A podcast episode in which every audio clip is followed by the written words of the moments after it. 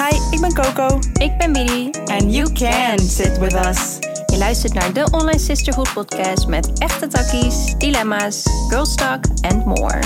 Join ons in deze online safe space. We got you. Oh my god. Hi online fam. Hallo, daar zijn we weer. Welkom bij een nieuwe episode. Een episode over een onderwerp waar jullie denk ik heel veel over willen horen. En wij ook heel veel over te zeggen hebben. ja. Nee, deze hebben ze wel heel vaak gevraagd. Ja. Er was en- een beetje hesitation, of niet, bij jou? Ja en nee. Want aan de ene kant denk ik, ik vind het zo een... Wel leuk dat we een soort cliffhanger doen van wat is het onderwerp nou? Oh ja. Het onderwerp is... Het zien ze toch in de titel. We doen het zomaar interessant. Oh ja, toxic relationships. Als in, daar gaan we het een groot deel over hebben. Ja, Maar het gaat eigenlijk over hè, hoe, wat is het geheim van een gezonde relatie. ja. En dan komt er een heel groot stuk toxic relationships in voor. Because we had to learn hoe een gezonde relatie in elkaar zit. The hard way. Nee, maar de hesitation, ja, niet per se. Het was gewoon meer dat ik dacht, ach, het woord toxic relatie heb ik gewoon zo vaak voorbij zien komen dat ik er zelf een beetje moe van werd. Ehm, Ja. Want ik vind het niet lastig om over te praten. Nee, ik vinden we iets, überhaupt iets lastig om over te praten? Als, en misschien wel met een brokje in je keel, maar voor de rest, we just We just talk it out. spit it out. Oké. Ja, nee. Ja. Waar te beginnen? Even Oh, serieus. God. Het is gewoon zo, er is zoveel om over te vertellen. Ah, ik, ehm, over een maand, zeg ik dat goed? Nee, over Nee, twee, twee. maanden Ik weet gelijk wat je gaat zeggen. Ja. Ik ben... ben ik zes jaar samen met mijn vriend Felix. Ja. En die zes jaar zijn echt snel gegaan, man. Dat is echt zo'n voorbeeld van eh, dat de tijd gewoon vliegt als je, als je fijn voelt bij iemand. Want ik heb hiervoor ehm, nog nooit zo'n lange relatie gehad. Mijn langste relatie was drie jaar.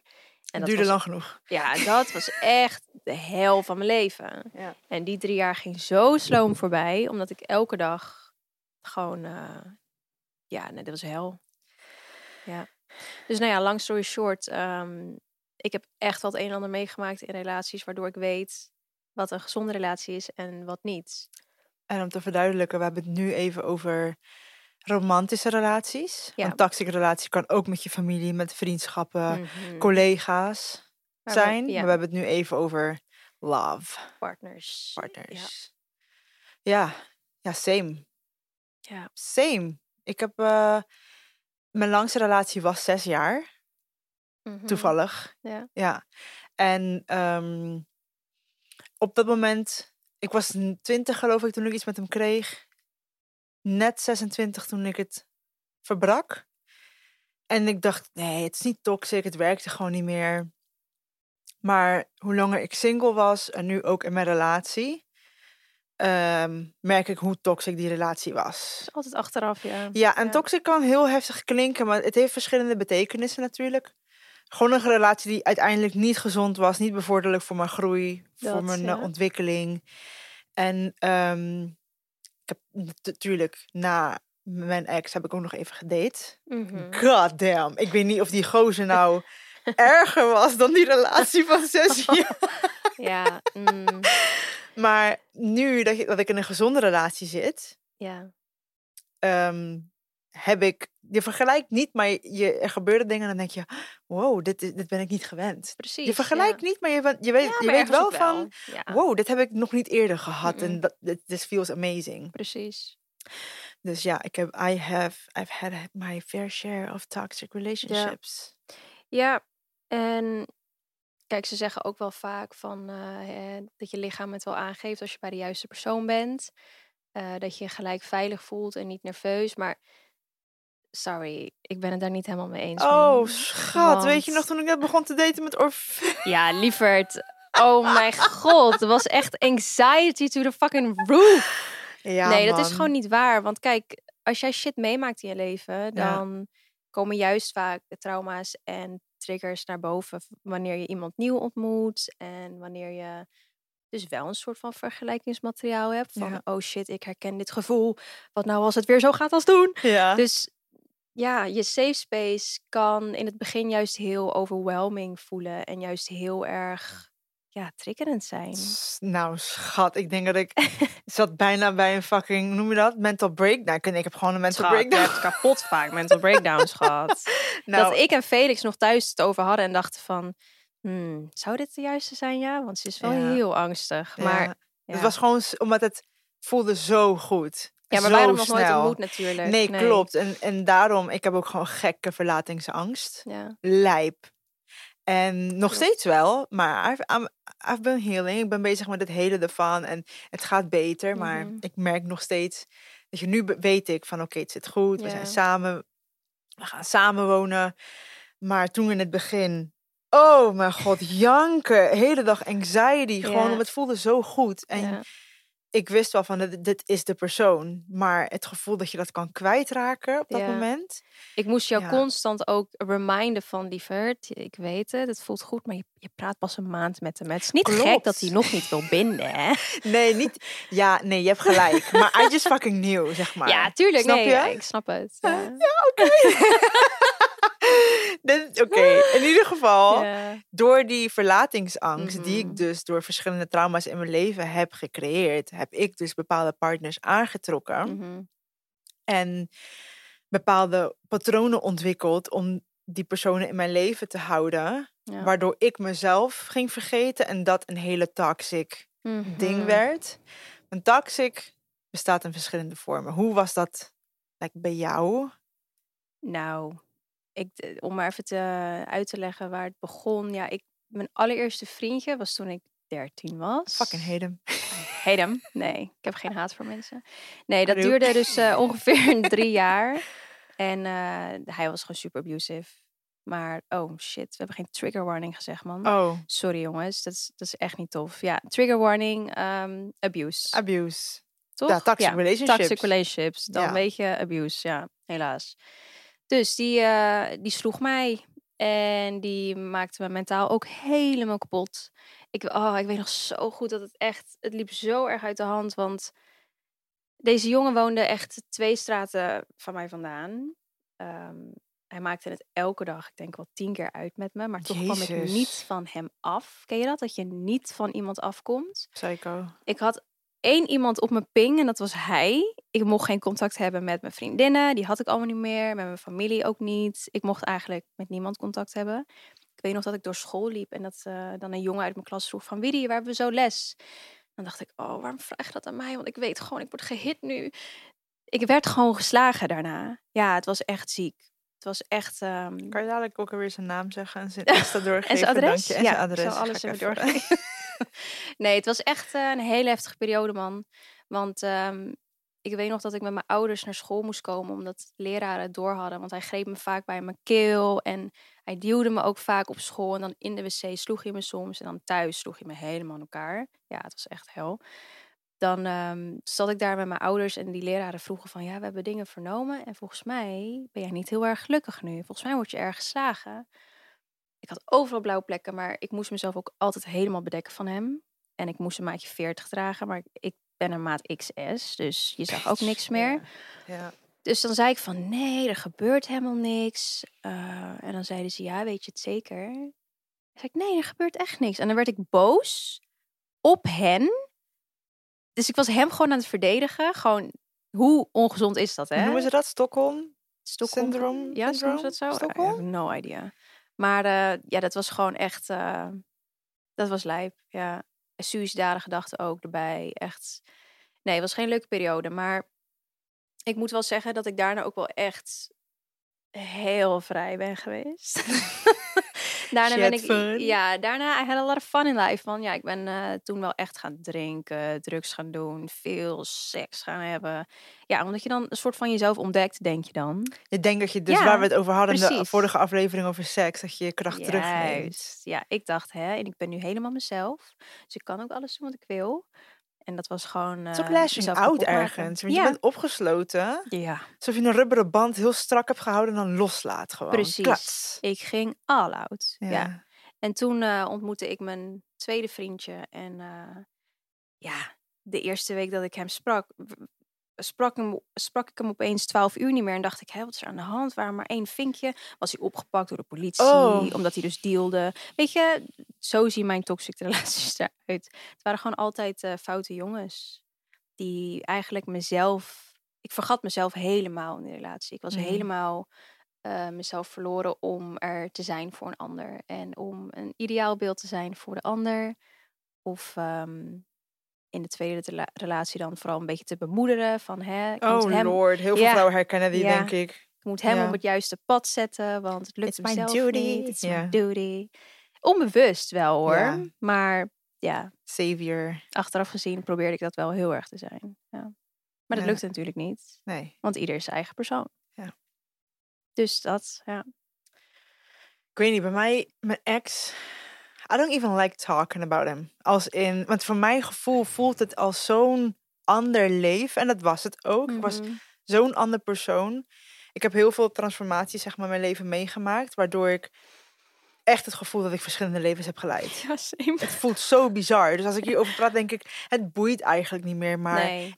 soort van wel, want het heeft nu wel een rol gespeeld in Oh, Ehm, tuurlijk. ja, waarom ik nu weet wat ik wel niet wil in een relatie. En Mhm. wat, weet je wel, de pijnpuntjes, weet je, waar je op moet letten. Ja. Ja, het was geen toxic relatie als in abusive of wat dan ook, maar dat werd het uiteindelijk wel, verbaal. Ja. En ik kom zelf dus uit, uit een eh, gezin met huiselijk geweld. Mhm. En ik had altijd gezegd, het moment dat ik word geslagen, ben ik weg. Het moment dat, dat hij vreemd zou gaan, ben ik weg. ja. Niet begrijpende dat, zeg maar, abuse In heel veel vormen. in heel veel komt. vormen Ja, komt. ja. En ik wist het wel, maar toch was ik er heel bizar, want ik heb het gezien. Mhm. Ex-partners van mijn moeder, om me heen. I know the signs. En toch Ja, maar kan je erin trappen. in een relatie ben je zo blinded. Ja. Ja. Ja, want je denkt gewoon van ja, we gaan sowieso through hardships en dat kan. Mhm. Een hardship betekent niet gelijk dat je relatie toxic is. Nee.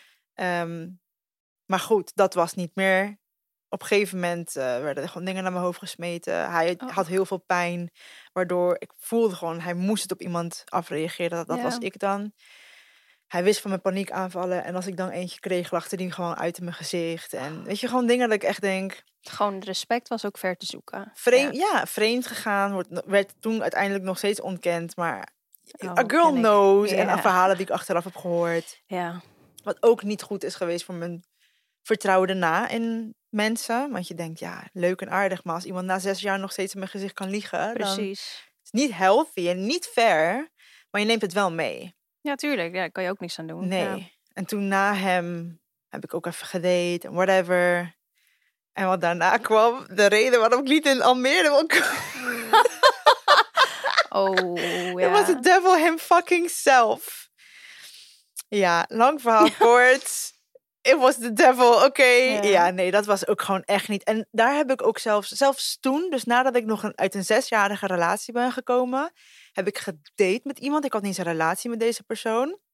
En hij heeft me zo lijp gemanipuleerd. Ja, echt een lijntje gehouden. Ja, en dan Mhm. denk ik echt, wauw man, je kan echt alle signs kennen, voelen, horen, weten. En nog steeds denk je, Erin trappen, ja. ja, om, maar ik denk, mensen, sommige mensen zijn gewoon zo goed te manipuleren. Dat kan je zelf soms Nee. ook gewoon niet kwalijk nemen. En we shouldn't. Nee, nee. Maar je doet het ergens toch. Ja, En waardoor met een toxic relatie, want ik noem het wel relatie, dit was gewoon daten, maar het was heel ingewikkeld. Ga je aan jezelf, aan je eigen zelfvertrouwen, gaat dat vreten. tuurlijk, ja. Waardoor je ziet gewoon door het boom het bos niet meer. Nee. Nou, godzijdank zit ik in een hele happy relationship. Vanmorgen nog, dan staat hij op en dan gaat hij naar werk. En dan maakt hij me altijd wakker om, eh, Orfeo, om goedemorgen te zeggen. En dan zegt hij, je betekent echt alles voor me. Ik hou zo van je. En weet je wel, dan denk ik, wauw, dit heb ik, Dit kan ook. dit kan ook. Ja, weet ja. je wel? En tuurlijk, elke relatie heeft zijn dingetjes. En dat Mhm. betekent niet gelijk dat het toxic is. Ik denk, een red flag voor jezelf is, hoeveel lever ik van mezelf in? In, ja. Want je compenseert, weet je, je maakt ruimte voor een ander. Maar in hoeverre ben jij over je eigen grenzen Ja. aan het, heen aan het gaan? ja, en ook onthouden dat het ook ehm, fases zijn in een relatie. Je kan Dat. nooit elke dag allebei 100% geven. Dat kan niet. Ik had laatst een, eh, TikTok, wat was het gezien? En een vrouw die zei het heel mooi van, ik probeer er niet meer naar te kijken als ups en downs. Ik zie het als seizoenen. Ja, Dus ja. ik, dit is een seizoen van groei. Dit is een seizoen van hervatten, herpakken. Precies, En ja. Daardoor zie je het ook als een groeiend iets en niet als een... Oh, we vallen naar beneden. Ja. Want, oh, hier had ik het toevallig ook een paar dagen geleden over met, eh, met Felix en Max, een andere vriend van ons. Dat er is eigenlijk geen eh, drie stappen terug en dan zeven stappen vooruit. Weet je wel? Waar ga je heen? Dat is er niet. Er is niet drie stappen terug. Waar ga je heen, Keel? Ja. Nee. nee, want elke stap terug, even tussen aanhalingstekens, is... Je bent vooruit aan het gaan. Ja. Want je bent niet meer wat je gisteren was. Nee. Je bent aan het groeien. Dus dat Zelfs je, met die fout. Is, ja, er is niet Nee. teruggaan. Nee, dat doe je niet. Je bent hoe dan ook aan het groeien. En dat is gewoon altijd vooruit. Je gaat altijd vooruit. Ja. Ja, tenminste, zo zie ik het dan wel. Want Ik- in... Ja, oh. Oh. Nee, zeg Nee, zeg maar. nou ja, jij hebt het meegemaakt op vakantie natuurlijk. Dat Ja. Vee en ik eh, gewoon struggles hadden. Eh, dat we ook zeiden van, hè, die, de uitbarsting was nodig. Ik merk echt verschil in ons allebei nu. Het was dat- echt nodig. Ik voel het aan alles. Ik merk het aan alles. Op dat moment zelf al was er een Ja. bepaalde energy geshift van oké. Precies, ja. En dat maakt Ja. je relatie niet gelijk toxic. Nee. Dat je een periode hebt van, eh, ik zeg maar wat, eh, zes maanden die, die wat zwaarder was. Wil niet zeggen dat je nu in een toxic relatie zit. Althans, dat moet je wel goed voor jezelf nakijken wat er dan gebeurt natuurlijk in die periode. Maar je moet gewoon onthouden dat je als relatie zijnde ook twee individu individuen bent. That's en the word. ja, individueel maak je ook veel shit mee. En daar werk je individueel aan. Maar ook samen uiteindelijk. Want ik geloof wel dat je partner gewoon je grootste spiegel is. Dat bedoel, sowieso. Maar dat is ook je, ja, je, je omgeving, je realiteit. Wat Ja. er, wat er, wat, dat, dat weerspiegelt wat in jou gebeurt. Precies, ja. En nou ja, om het te hebben over toxic relaties, eh, daar hou je vaak triggers aan over. Hè? Ja. Als shit gebeurt, dat sla je op in je lichaam, in je systeem. eh, hoeveel je er ook van heelt. Ik denk niet dat triggers volledig weggaan, want triggers kunnen ook weer opnieuw worden aangemaakt door iets nieuws in je leven. Oké, als je nog meer energie zou willen hebben voor de leuke dingen in het leven, welke dingen wil je dan doen? Ik zou denk ik iets meer gaan sporten. Ik heb daar nu echt weinig energie voor. Mhm. Like, al wil ik het graag, mijn lichaam wil gewoon niet. Mhm. Ik hoor je. En jij? Ik denk dat ik meer leuke dingen zou doen op een mamadag. Want ik merk nu dat ik dat gewoon niet doe, omdat ik weet dat ik daar extra energie voor nodig heb om de terror op te vangen. En eh, ja, die heb ik nu gewoon niet. Nee. Nou, dan moeten we in ieder geval bij het begin beginnen. En dat is een goede nachtrust. Want op het Mhm. moment slaap ik niet zo goed. En daarvoor is Emma Sleep onze held. Ik heb dus zes jaar geleden voor het eerst een Emma-matras aangeschaft. En ik zweer het, ik kan echt op niks anders meer slapen. Ik eh, ben ook een veel leuke mens met genoeg slaap. Nou, ik denk we allemaal wel. En we gunnen het jullie allemaal om een leuke mens te worden. In de beschrijving van deze episode eh, vinden jullie allemaal een link met de kortingscode Sisterhood in hoofdletters. En dan krijg je 10% korting bij je Emma Sleep Order. Ook bovenop de korting die er op sommige producten al is, kan je alsnog onze kortingscode gebruiken. Ook nog. Mhm. Oh. En wil je de producten nou eerst testen, dan hebben ze ook nog eens een winkel in Den Haag en Eindhoven. Maar be aware dat je op niks meer anders wil slapen. Ik wil nu gewoon naar de winkel om gewoon even te gaan liggen en alles nou te gaan schat, ik denk dat ik het ook wel nodig heb. Let's go. Eh, door een bepaalde geur, een persoon, een gebeurtenis, alles kan weer iets triggeren. Dus ik denk gewoon dat het heel belangrijk is om in een relatie, ehm, om even hè, het geheim van een gezonde relatie, om te weten wat de triggers zijn van je partner. Dus Ja. om te weten, oh, ze reageert nu best wel anders. Waardoor kan dat komen? Kan het komen omdat er iets is gebeurd, iets nieuws, of omdat juist iets ouds wordt hè, naar boven gehaald? Eh, sinds we dat weer proberen te zien bij elkaar, gaat het ook een stuk beter. Dat we in ieder geval een soort van empathie creëren van, oh ja, we hebben allebei een andere belevingswereld. Allebei zien we dingen anders, omdat we allebei andere dingen hebben meegemaakt. We hebben allebei andere triggers, we hebben allebei een andere kijk op het leven. Felix en ik hebben ook een hele andere taal van liefde. Mhm. Dus we moesten gewoon weer even helemaal resetten en kijken van, oh ja, we're different people. Hoe gaan we daarmee om? ik denk dat dat ook verschillende elementen heeft. Ja. Dus inderdaad, het kennen van elkaars triggers. Waar komt het vandaan? Ehm, heeft het hier iets mee te maken? Mhm. Soms zit je ook gewoon fout. Ja, tuurlijk. Ego ja. aan de kant zetten is één ding. Mhm. Want ego zorgt er ook voor dat je reageert vanuit je eigen wounded person. Waardoor je niet meer kan kijken naar waar komt dit echt vandaan. Je neemt het gelijk als een aanval. ja. Ten derde Wat is- heel veel mensen doen. Tuurlijk. Die, die doen echt heel veel mensen, ja. Ja, ik doe het zelfs ook soms. Mhm. En dan daarna denk ik... Oh, oké, nee. Ik denk dat... Weet je wel, Ja. neem je veel te persoonlijk. Mhm. Ehm, ook omdat die slachtofferrol is soms gewoon veilig. Want als jij in de slachtofferrol gaat, moet diegene jou Precies. En dan kan je de schuld lekker op iemand anders gooien. juist. Ja. En binnen het kennen van je partners en triggers, of haar triggers, of hun triggers, is het kennen van je eigen grenzen. Want tot Mhm. hoeverre ben je verantwoordelijk voor iemand anders, zijn Precies. triggers. Ja. Ehm, want ik denk dat heel veel van ons onbewust iets willen helen, iets la- willen laten helen door een partner. Ehm, ik heb ook eerder gezegd, ik geloof niet in je moet geheeld zijn voordat je een relatie ingaat. Nee. Want als je in een relatie zit, krijg je pas bepaalde dingen voorgeschoten, voorgespiegeld, die je voorheen niet zou kunnen zien. Nee. En ook in de relatie weer verschillende fases. Als je gaat Klopt. samenwonen, komen er nieuwe dingen naar boven. Als Dat- je... Maar dat blijft ook, want je blijft zelf groeien en ontwikkelen. Dus je relatie ook. En de Mhm. persoon met jou, als het goed is, ook. Maar je moet dan wel met iemand zijn. En ik denk dat je da- daardoor ook een geheim... Het geheim Ja. van een goede relatie is dat je dan weet... hoe gaat die persoon ermee om. Precies. Het zal niet altijd even goed zijn... maar hoe open staat diegene ervoor... om mijn verhaal te horen uiteindelijk. Om te communiceren, willing to change. Precies. Ja. En ik denk dat heel veel mensen een relatie ingaan... hopend dat een andere persoon iets kan opvullen bij hun. ja. En helen. Mhm. En dat het daardoor ook heel erg misgaat. De ja. intentie waarmee je de relatie ingaat is een heel groot, Heel groot. Ja. onderdeel. Ja. ja, ik weet Ja. echt nog heel goed. eh, toen ik Felix, wij hebben ongeveer acht maanden zoiets gedate.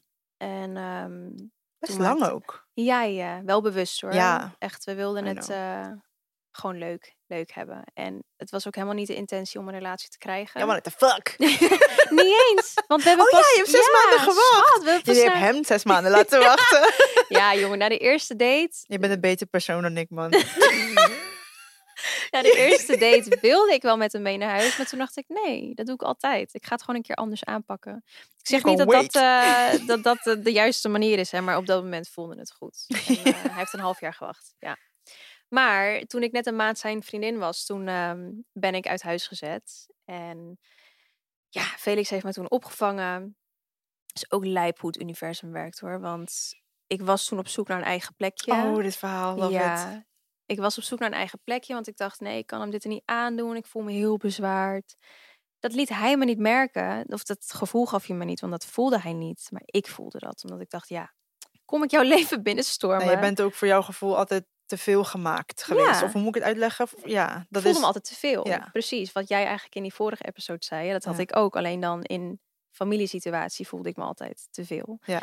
Dus eh, ik zei tegen hem, nee, ik kan echt niet. Ik moet een eigen plekje gaan zoeken. Toen had ik een bezichtiging. Die vond ik prima. Weet je, het was wel dat ik dacht, oh god, oké, gaan we dit echt doen? Maar het was gewoon de beste optie op dat moment.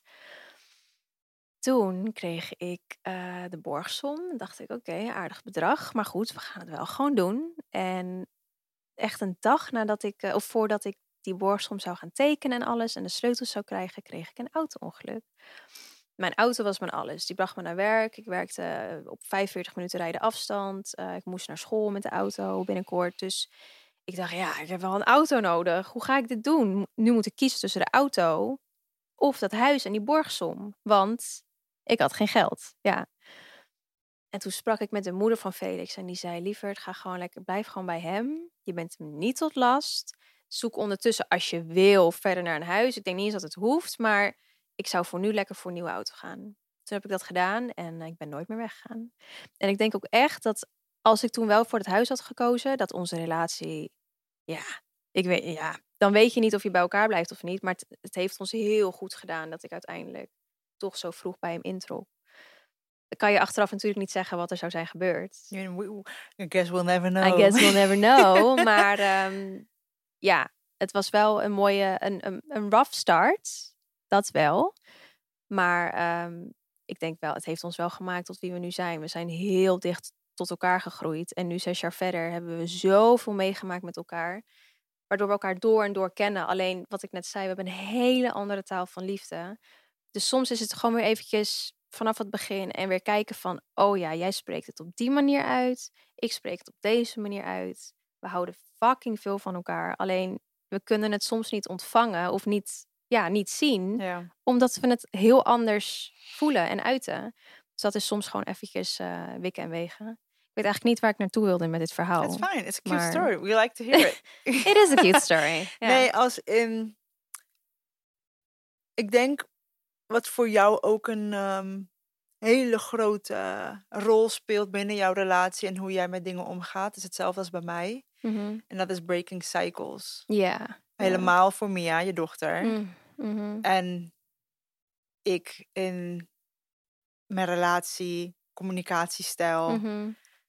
love language en everything. Ik denk dat dat voor ons ook een heel belangrijk iets is. Ik denk dat we te vaak kijken naar hoe hebben mijn ouders het gedaan of niet kijken naar hoe onze ouders het hebben gedaan. Precies, ja. Maar dat speelt ook zo'n grote rol in hoe wij met onszelf, naasten, re- relationships omgaan. ja.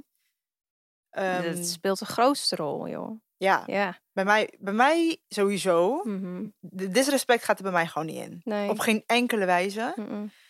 Eh, maar mijn love language is ook weer een als in, ik ben daar wel iets te hard in. Ik zie de kleinste dingen als disrespect, maar dat komt omdat ik een hele hoge muur op heb.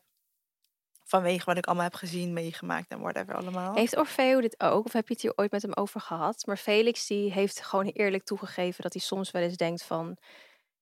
Ik doe zo mijn best Ja. voor jou. Je weet wat ik ga zeggen. Ik doe zo mijn best voor jou. En hij zegt altijd, don't get me wrong. Ik weet dat je veel shit hebt meegemaakt. En ik weet dat dat echt heel erg is. Maar soms denk ik wel, ik doe zoveel goeds voor jou. Hoezo is dat dan niet goed genoeg? Terwijl kijk hoe mensen voor mij jou behandelden. En hij zegt het altijd met heel veel respect en heel voorzichtig. Omdat hij denkt van, ik wil je niet kwetsen. ja. ik Face die dingen heel zwart-wit, ik dat moeten jullie even ik- begrijpen. ja, ik snap wel waar hij vandaan komt. Ja. Alleen daaruit is het eigenlijk, hij zegt dan ook altijd erbij, ik vind het wel mooi, want dat betekent dat je wel nu weet van, oh ja, Hè? Ja. ik verdien dit niet, of ik verdiende dat niet. En nu, eh, ja, mijn, mijn lat ligt wel hoog nu. Nee, Orfeo heeft het nog nooit gezien. Nee? Oh, oké. Nee, ik denk, ik weet het niet. Ik heb gewoon, nee, nooit over gehad eigenlijk. Ik denk dat hij het ook gewoon niet zo ziet of zo.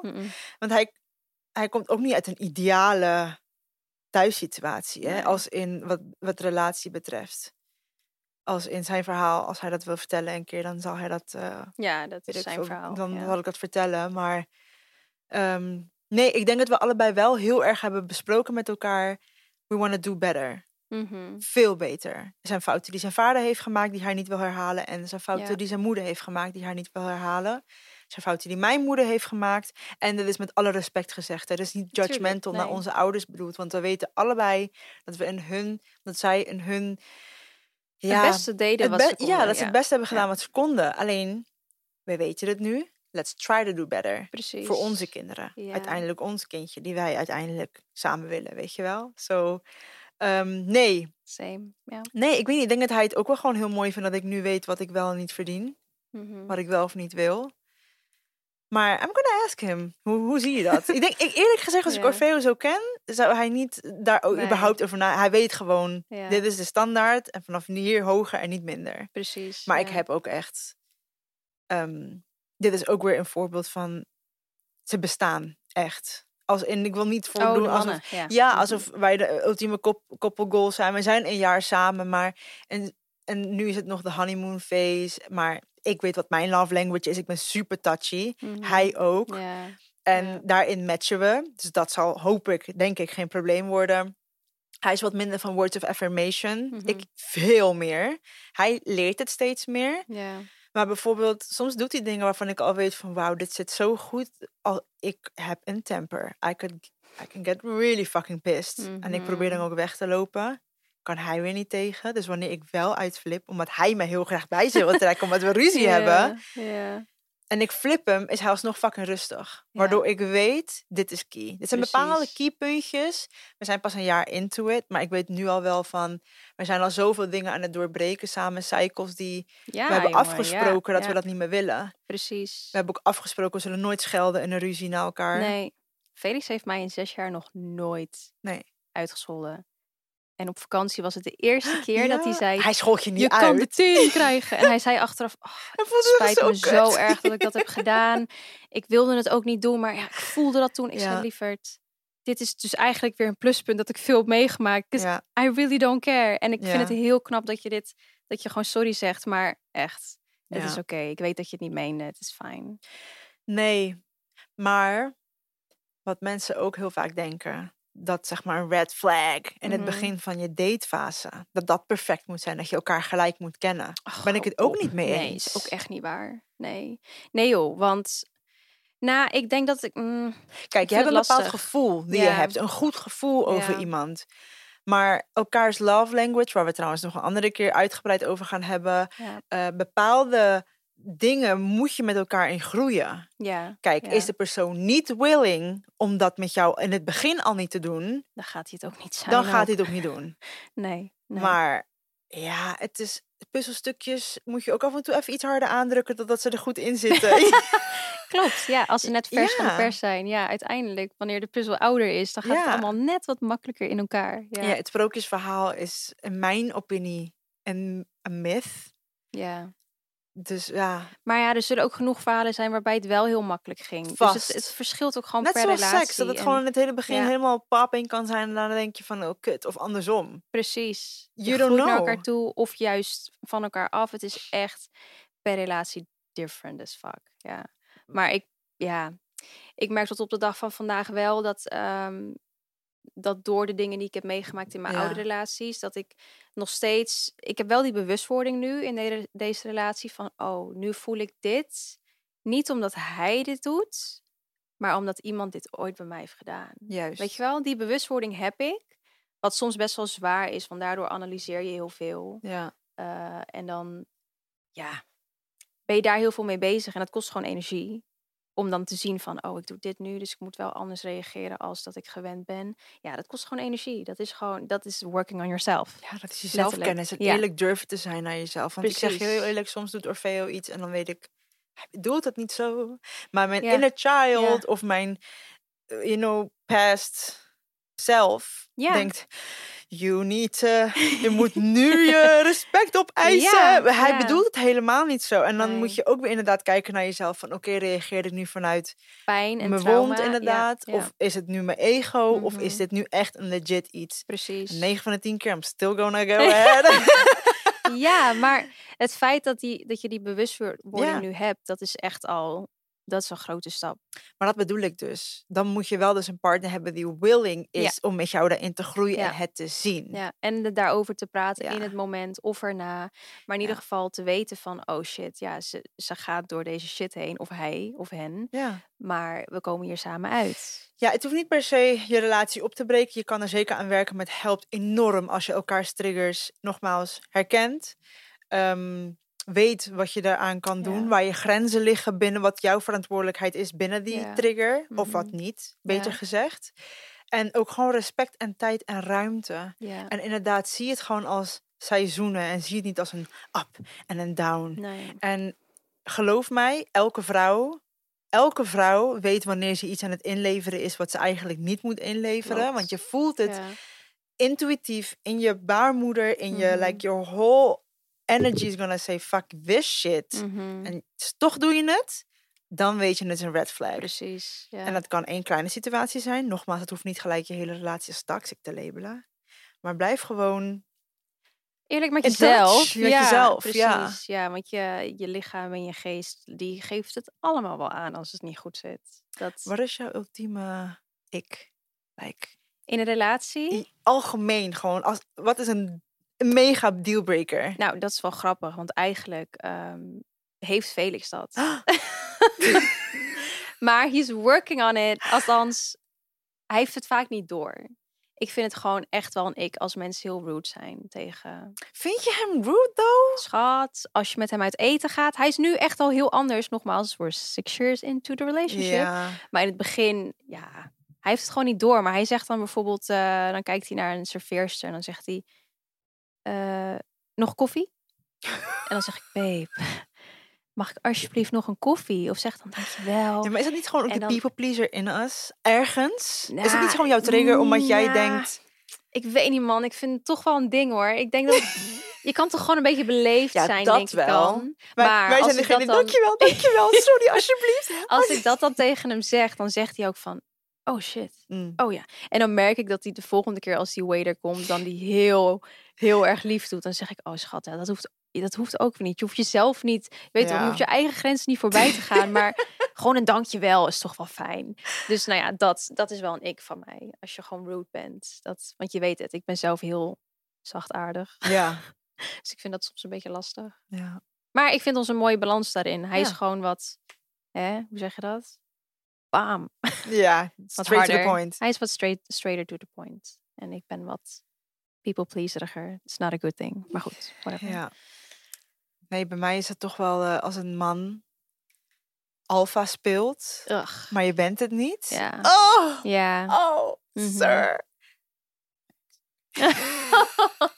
Nee, Ja. als een man alfa speelt, maar je bent het niet, dat geeft me echt zo'n needy vibes of zo. Dat geeft me echt die, oh, gewoon stoer willen doen, maar je bent het niet. Like, Ja. als je een zachtaardige man bent, that's fine. Of als je iets meer vrouwelijke energy hebt, own it op zijn minst. ja, maar hoe, ik vind het juist sexy als je dat gewoon ownt. Ja, maar nee, maar dat alfa willen zijn maakt je gewoon echt een bitch. Mhm. Snap je wat ik bedoel? Ja, want je bent het letterlijk niet in de kern. Nee. Dus En daar is niet altijd wat mis mee. it. Ja. Ja, nee, ik hou er maar van. gelukkig. Daarom, I like an alpha man. Dat En is die ook heb je, wel. ja. Gelukkig. Nee, maar dat is wel belangrijk voor mij. Want dan kan ik meer in mijn vrouwelijke energy treden. Ja, en dat was wel een dingetje voor jou. dat toch? was zeker een dingetje. Ja. Maar je trekt natuurlijk bepaalde dingen aan, hè? Op een gegeven moment. Natuurlijk, dat doe je elke dag, eh, elke seconde van eh, in het leven. Ja. Nee, maar goed, dat is voor mij gewoon een key ding. Dus misschien is het daarom automatisch ook een ik. Mm. Omdat ik echt denk, eeuw. ook als ik het op Mhm. straat zie. Ik weet, ik heb echt, jij ook, super intuïtief. Ja. En daar wil ik in de toekomst iets meer over vertellen. Ik- over hoe de- ver dat gaat. ja. Maar eh, af en toe, mijn energy just is like, nou, ik rebukes the Mhm. whole fucking energy. Als, Ja, als ik man dat voelt, oh, dat voelt gewoon niet, nee. We worden echt misselijk. Ja, maar ik denk omdat het gewoon een disbalans is ook. Ja, ja. Ja, en Dat dat is niet een wel. judgment, hè. Dat klinkt niet heel judgmental wat we zeggen, want we laten iedereen in zijn waarde oprecht. Mhm. Alleen energy-wise, ik heb het ook bijvoorbeeld een helemaal andere aftopic. Maar als ik op evenementen ben of op een feestje of whatever, je ja, voelt gewoon automatisch de energy van mensen. Oeh, ja. Dus niet- Daarom ja. vinden we events zo heftig. We hebben er vandaag deze week, eh, of vandaag deze week, we hebben er deze week ook weer twee eh, afgezegd. Ja. Want ik vind het wel goed van ons. We voelen echt dat we er ruimte niet voor hebben. Nee. Eh, omdat we allebei gewoon.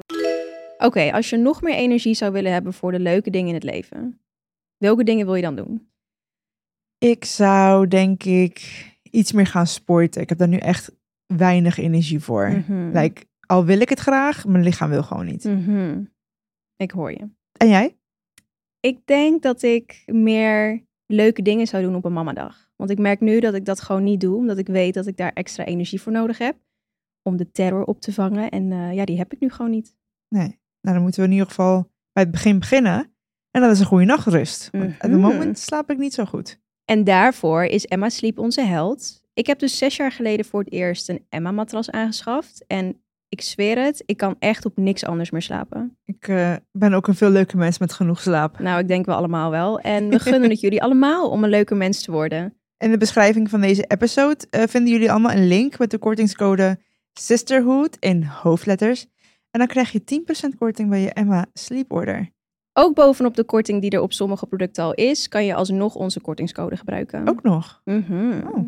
En wil je de producten nou eerst testen, dan hebben ze ook nog eens een winkel in Den Haag en Eindhoven. Maar be aware dat je op niks meer anders wil slapen. Ik wil nu gewoon naar de winkel om gewoon even te gaan liggen en alles nou te gaan schat, ik denk dat ik het ook wel nodig heb. Let's go. door shit heen gaan. Eh, het is gewoon druk geweest. Ja. Het is gewoon veel chaos geweest. We moeten echt weer gronden en tot onszelf komen. En daar heb je ruimte en energie voor nodig. En dat kan niet als je naar een evenement toe gaat waar je. Kijk, er is een verschil in energie opnemen en het gewoon aanvoelen. Want ik absorbeer het niet per se.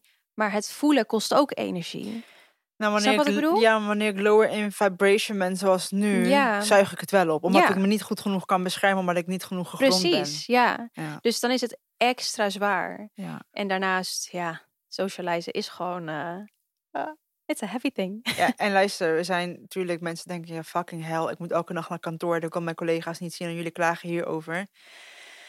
Ja, hier hebben we ook hard ik- voor gewerkt om dit te kunnen doen Ja. en onze eigen regels te kunnen maken. En ik ook weer een onderwerp voor een andere keer, maar ik zie de laatste tijd zoveel gezeikje over. Ja, I know. Maar we kunnen ook over zoveel lullen. Ja. Maar, Maar- waar zie je veel gezeik over? Ja, over influencers die klagen over hun werk. Niemand klaagt, maar jullie... Ja, dit is toch altijd een ding? Dat maar zie ik echt heel veel op TikTok. Misschien is het mijn algoritme. Ik denk dat het je algoritme is, want ik zie het nergens, maar ik hoor het wel al jaren. ja, dat, true. dat influencers hun bek moeten houden, omdat ze het zo zwaar hebben, maar niet heus. Oké, Nou, in ieder geval. Anyways. Time for the dilemma. Oh, Yeah. fucked up, man. Shit. Oké. Nee. Girl, we Nee. moeten oefenen. Nee, jij begon eerder. Drie, twee, één. Oké, die was wel smooth. Lieve meiden, ik heb me recent weten los te wrikken uit een hele nare abusive relatie. Good job, girl. Dat heb ik veel te lang door laten sudderen, waardoor ik nu compleet nam lijkt te zijn geworden. Ik ben altijd heel erg in touch geweest met mijn emoties, maar ik kom helemaal nergens meer bij. Ik kan niet echt huilen of boos zijn, maar ik kan ook geen echt geluk meer voelen.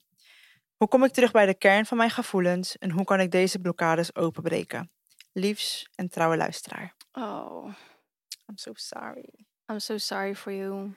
En dit is super relatable. Oh, echt een, een beetje eng relatable. Ja. Omdat het echt precies is waar ik nu doorheen ga. Ik heb ehm, dezelfde coach als Coco heeft gehad. Ja. Want jij bent klaar. Ja. Very proud of you. Thank you. Heel veel gegroeid in die tijd.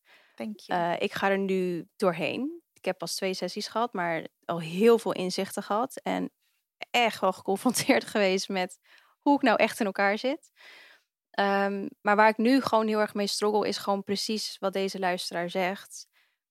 Ik heb gewoon zoveel moeten dragen dat ik een soort van copingmechanisme heb ontwikkeld. Door altijd te zeggen: hey, dit hoort erbij, dit gebeurt met een reden. Ik kan heel makkelijk uitzoomen en de bigger picture zien en alles zien als een soort onderdeel van mijn, eh, hoe noem je dat, van mijn Journey. journey en evolve, evolving. Nou ja, je weet wat ik bedoel.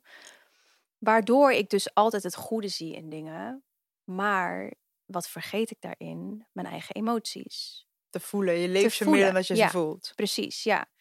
Ik sla dat stukje gewoon helemaal over. Maar onbewust heb Ja. ik dat heel vaak gedaan. En achteraf gezien moest ik ook wel, omdat het zoveel was wat ik moest dragen. Als ik dat toen allemaal heel in mijn emoties had gedaan, dan ik denk dat ik gewoon was verdronken, letterlijk. Dus achteraf gezien was het ook wel iets wat ik nodig had, dat copingmechanisme. Maar nu, nu zou ik soort van veilig moeten zijn. eh, want ik heb veilige mensen om me heen. Ik heb een veilige situatie thuis. eh, alles zit oké. But I'm numb. Als Hmm. in, huilen gaat veel lastiger, bijna niet meer. eh, echt boos worden voelt als een soort brok in mijn keel. Het voelt als een blokkade in mijn keel. Het komt er niet Mm. helemaal uit. Gewoon mijn hele keelchakra voelt weer helemaal Ja. unlock. ja. Ehm, en wat zij ook zegt, ik voel alles niet meer echt of zo. Het voelt een soort van nam en het gaat langs me heen. Dus ja, very relatable. En ehm, nou, wat ik als tip heb meegekregen van de coach, is eh, ja, de enige manier om hier doorheen te komen is om eh, het gewoon weer echt te voelen. Dus ik moet, ik moet gewoon weer echt in touch komen met die emoties. En daar zijn heel veel verschillende manieren voor. Maar ten eerste met jezelf zitten. Gewoon letterlijk in stilte. Want hoe vaak doen we dat nou eigenlijk nog op een dag? Eigenlijk zit je nooit meer echt met je emoties. Althans, ik bijna niet meer. Omdat ik het ook een soort van onbewust vermijd. ja. Als ik dan kan chillen, dan ga ik toch iets zoeken wat ik kan doen. Wat is je favoriete ding om te doen? Met jezelf zitten. Wat was It used to be. It used to be, ja. Ja, ik deed het eerst heel vaak. Alleen nu, eh, als ik merk dat, ik, dat Mia slaapt en ik kan eindelijk even chillen, dan denk ik, oh, ik ga toch eventjes eh, een lijstje voor mezelf maken wat ik morgen ga doen. Of ik ga even die dingen bestellen die allemaal op zijn nu. Ik zoek altijd wel dingen die ik kan gaan doen. En onbewust doe ik dat, denk ik, omdat ik dan niet hoef te zitten met mezelf. Dus ja, ook in dit geval is het gewoon weer, wees eerlijk met jezelf. Want ik ben het wel aan het vermijden, stiekem Ja. soort van onbewust. En dat ben ik niet gewend van mezelf, want hè, vaak hoor je toch, oh, als je heel emotioneel bent, dan is het ook makkelijk voor je om al je emoties toe te laten. Maar dat is niet zo. Het gaat soms op een gegeven moment tegen je werken. Nou, ik kan me ook relaten. Ja, En ik heb het ja, dat heb ik eigenlijk heel mijn leven lang gedaan. Ja, maar je hebt het ook nog gehad toen ik jou net leerde Ja. kennen. Ja, Ik heb zelfs, het was zelf zo ver bij mij dat ik last had. Achteraf kwam ik erachter dat het een naam had, dissociatie. ja, En dan voelt het letterlijk alsof je leeft, maar in een droom bent. precies dat. Ja. Dus je lichaam is er wel, maar je bent, je bent er niet. Soms had ik het zo erg dat ik zelfs in mijn been ging knijpen of in mijn vingers. Ja. Om, om mezelf te plaatsen in het moment. Omdat Ja. ik, soms werd ik er gewoon bang van. Het is ook S- engig. Ja, dus zo ver ging het bij mij. Omdat ik trauma na trauma na trauma na trauma na Ja. trauma moest verwerken. Ik denk eh, dat het op een gegeven moment ook neerkomt op jezelf weer toestemming geven. Dat, ja. Echt Ja. jezelf toestemming geven. Het is oké om te voelen. het is oké om te voelen. ja. En ik denk ook omdat op een gegeven moment zijn we bang om alles weer te voelen. Want je weet, oh, als ik dat nu allemaal in één keer toe moet gaan laten. Eh, Maar ik denk dat ehm, het onthouden dus, wat ik in de vorige aflevering heb gezegd, dat we een, een stuk van het universum, we zijn het universum experiencing a human, having a human experience. Voelen hoort erbij. ja. Het is heel onmenselijk om het niet te doen. mhm. En Ja, maar soms dan zit er gewoon zo'n blokkade op. Want bijvoorbeeld ik nu, ik wil het wel, I know. maar het lukt niet. En dat is het rare. Maar ik denk ook dat jezelf tijd geven Ja, om die toestemming uiteindelijk te gaan voelen, Zeker. is ook heel belangrijk. Ja. Helemaal als het is aangedaan door iemand anders, om het zo Mhm. te zeggen. Ja, Om terug te komen op de relatie. Want heel vaak, ja, we doen onszelf heel veel dingen aan, maar waarom, het voelt ik heel oneerlijk van waarom moet ik nu helen van iets wat iemand anders mij heeft aangedaan? ja. En daar gaat die blokkade al op, de Ja, boosheid. en vaak is het ook zoeken naar de kern. Want ehm, ik heb nu bijvoorbeeld over één onderdeel in mijn leven voel ik heel veel woede. Mhm. Alleen eh, dat onderdeel doet heel veel pijn. Ja. Dus daar kom je dan liever niet. Alleen doordat ik dat niet toelaat, kan ik woede in, in het algemeen gewoon niet toelaten nu. Dus ik denk dat het ook vooral belangrijk is dat je voor jezelf nagaat waar ligt de kern. Ja. Hoe kom ik daar? Misschien heb je daar hulp bij nodig. Ik heb nu dus een coach waarmee ik praat, want het lukte me niet alleen. Eh, misschien lukt het je wel alleen, maar you gotta dig deep. Want Ja, vaak zit het probleem dus veel dieper en eh, laat je gewoon een stuk niet toe of heb je dat gewoon nog niet volledig geheeld, waardoor je in general ineens nam bent in het leven. En het is zonde, want het hoeft niet zo te gaan. Nee. Ik denk dat het inderdaad gewoon een combinatie is van tijd, Ja. eh, in, inzicht, naar jezelf durven kijken. Ja, want tijd, tuurlijk tijd heelt, alleen ook weer niet. Want... Nee, maar bijvoorbeeld, ik kan nu wel tegen jou zeggen van geef jezelf toestemming. Maar die toestemming gaat wel even, even Ja, duren. ja. Dat bedoel ik met tijd. Precies. Ja. Ik kan nu niet tegen jou, snap je? Je, hebt- je geen ook even, nee. Nee. nee, je hebt nu Nee. wel gewoon even nodig om dat toe te laten. Ja. En inderdaad, ehm, ik denk dat er wel nog ook te veel taboe hangt op hulpvragen. ja, dat sowieso. En ik denk dat het wel echt een heel... Ik had het niet alleen kunnen doen zonder mijn therapeuten en zonder mijn coach. Nee. Of mijn vrienden. Nee. Of whatever. De, mensen die ik nodig had om een Mhm. hand of een arm voor nodig had om even op te steunen of een schouder. Ja. Maar ehm, ja, de kern inderdaad, daar toe durven komen. En dat kan tijd kosten. Maar Ja. let erop dat je dat niet weer tijd gaat gebruiken als iets om achter te schuilen. Nee, En het voor je uit proberen te duwen. precies. Want en ja, inderdaad, probeer voor jezelf momentjes te creëren waarin je eens even gaat zitten. Eh, desnoods eh, doe je wel iets waarvan je weet, het gaat emotie opwekken. Nou ja, je hebt tegen mij gezegd, je hebt een playlist. eh, ja ik heb een playlist. Ik, Ja. als ik wil huilen, ik moet een playlist Ja. opzetten. Anders komt het soms gewoon. Ja. Ik, I still struggle sometimes. Precies, ja. Of ik moet, wat ik ook heb meegekregen, een brief schrijven. Dus naar degene waarover hè, het stukje wat pijn doet. Niet die brief gaan verzenden, maar, Ja, ja, als je dat wil doen, moet je dat doen. Ja. maar, Maar gewoon ja. in ieder geval alle emoties eruit laten. En als je dat dan doet, niet op een geforceerd moment doen, maar echt voelen van, oh, nu heb ik, heb ik het gevoel dat ik dat moet gaan doen.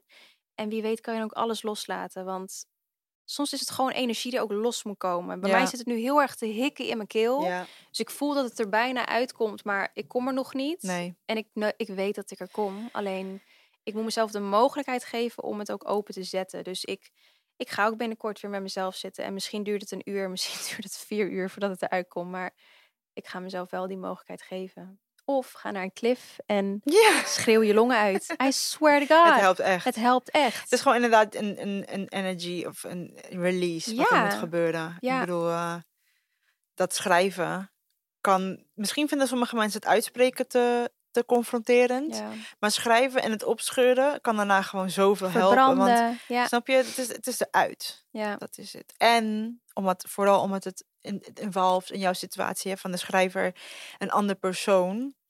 Ehm, ik weet niet waarom ik heb het gevoel dat ik het moet zeggen. Maar ehm, in mijn ervaring had ik heel vaak dat ik mensen niet wilde vergeven. Omdat ik dacht, jij verdient het niet. Maar je Dat- doet het voor jou. Je doet het voor Ja. jezelf. En dat kan onbewust ook een blokkade bij jezelf Ja. creëren. Want vergiffenis doe je niet voor een ander. Dat doe je puur voor jezelf. Ja. En vergeven betekent niet goedkeuren. Nee, Dat heb ik ook heel lang gedacht. Dat ik denk, ik wil het niet vergeven, want dan keur ik het goed, dan laat ik het gaan. nee, You don't have to forget it. nee. En je hoeft ook niet te begrijpen waarom Nee. iemand anders iets Soms doet. gaat het gewoon niet gebeuren. Nee. Not gonna happen. Want sommige dingen zijn ook onbegrijpbaar. Ja. Onbegrijpbaar. Onbegrijpelijk. Onbegrijpelijk.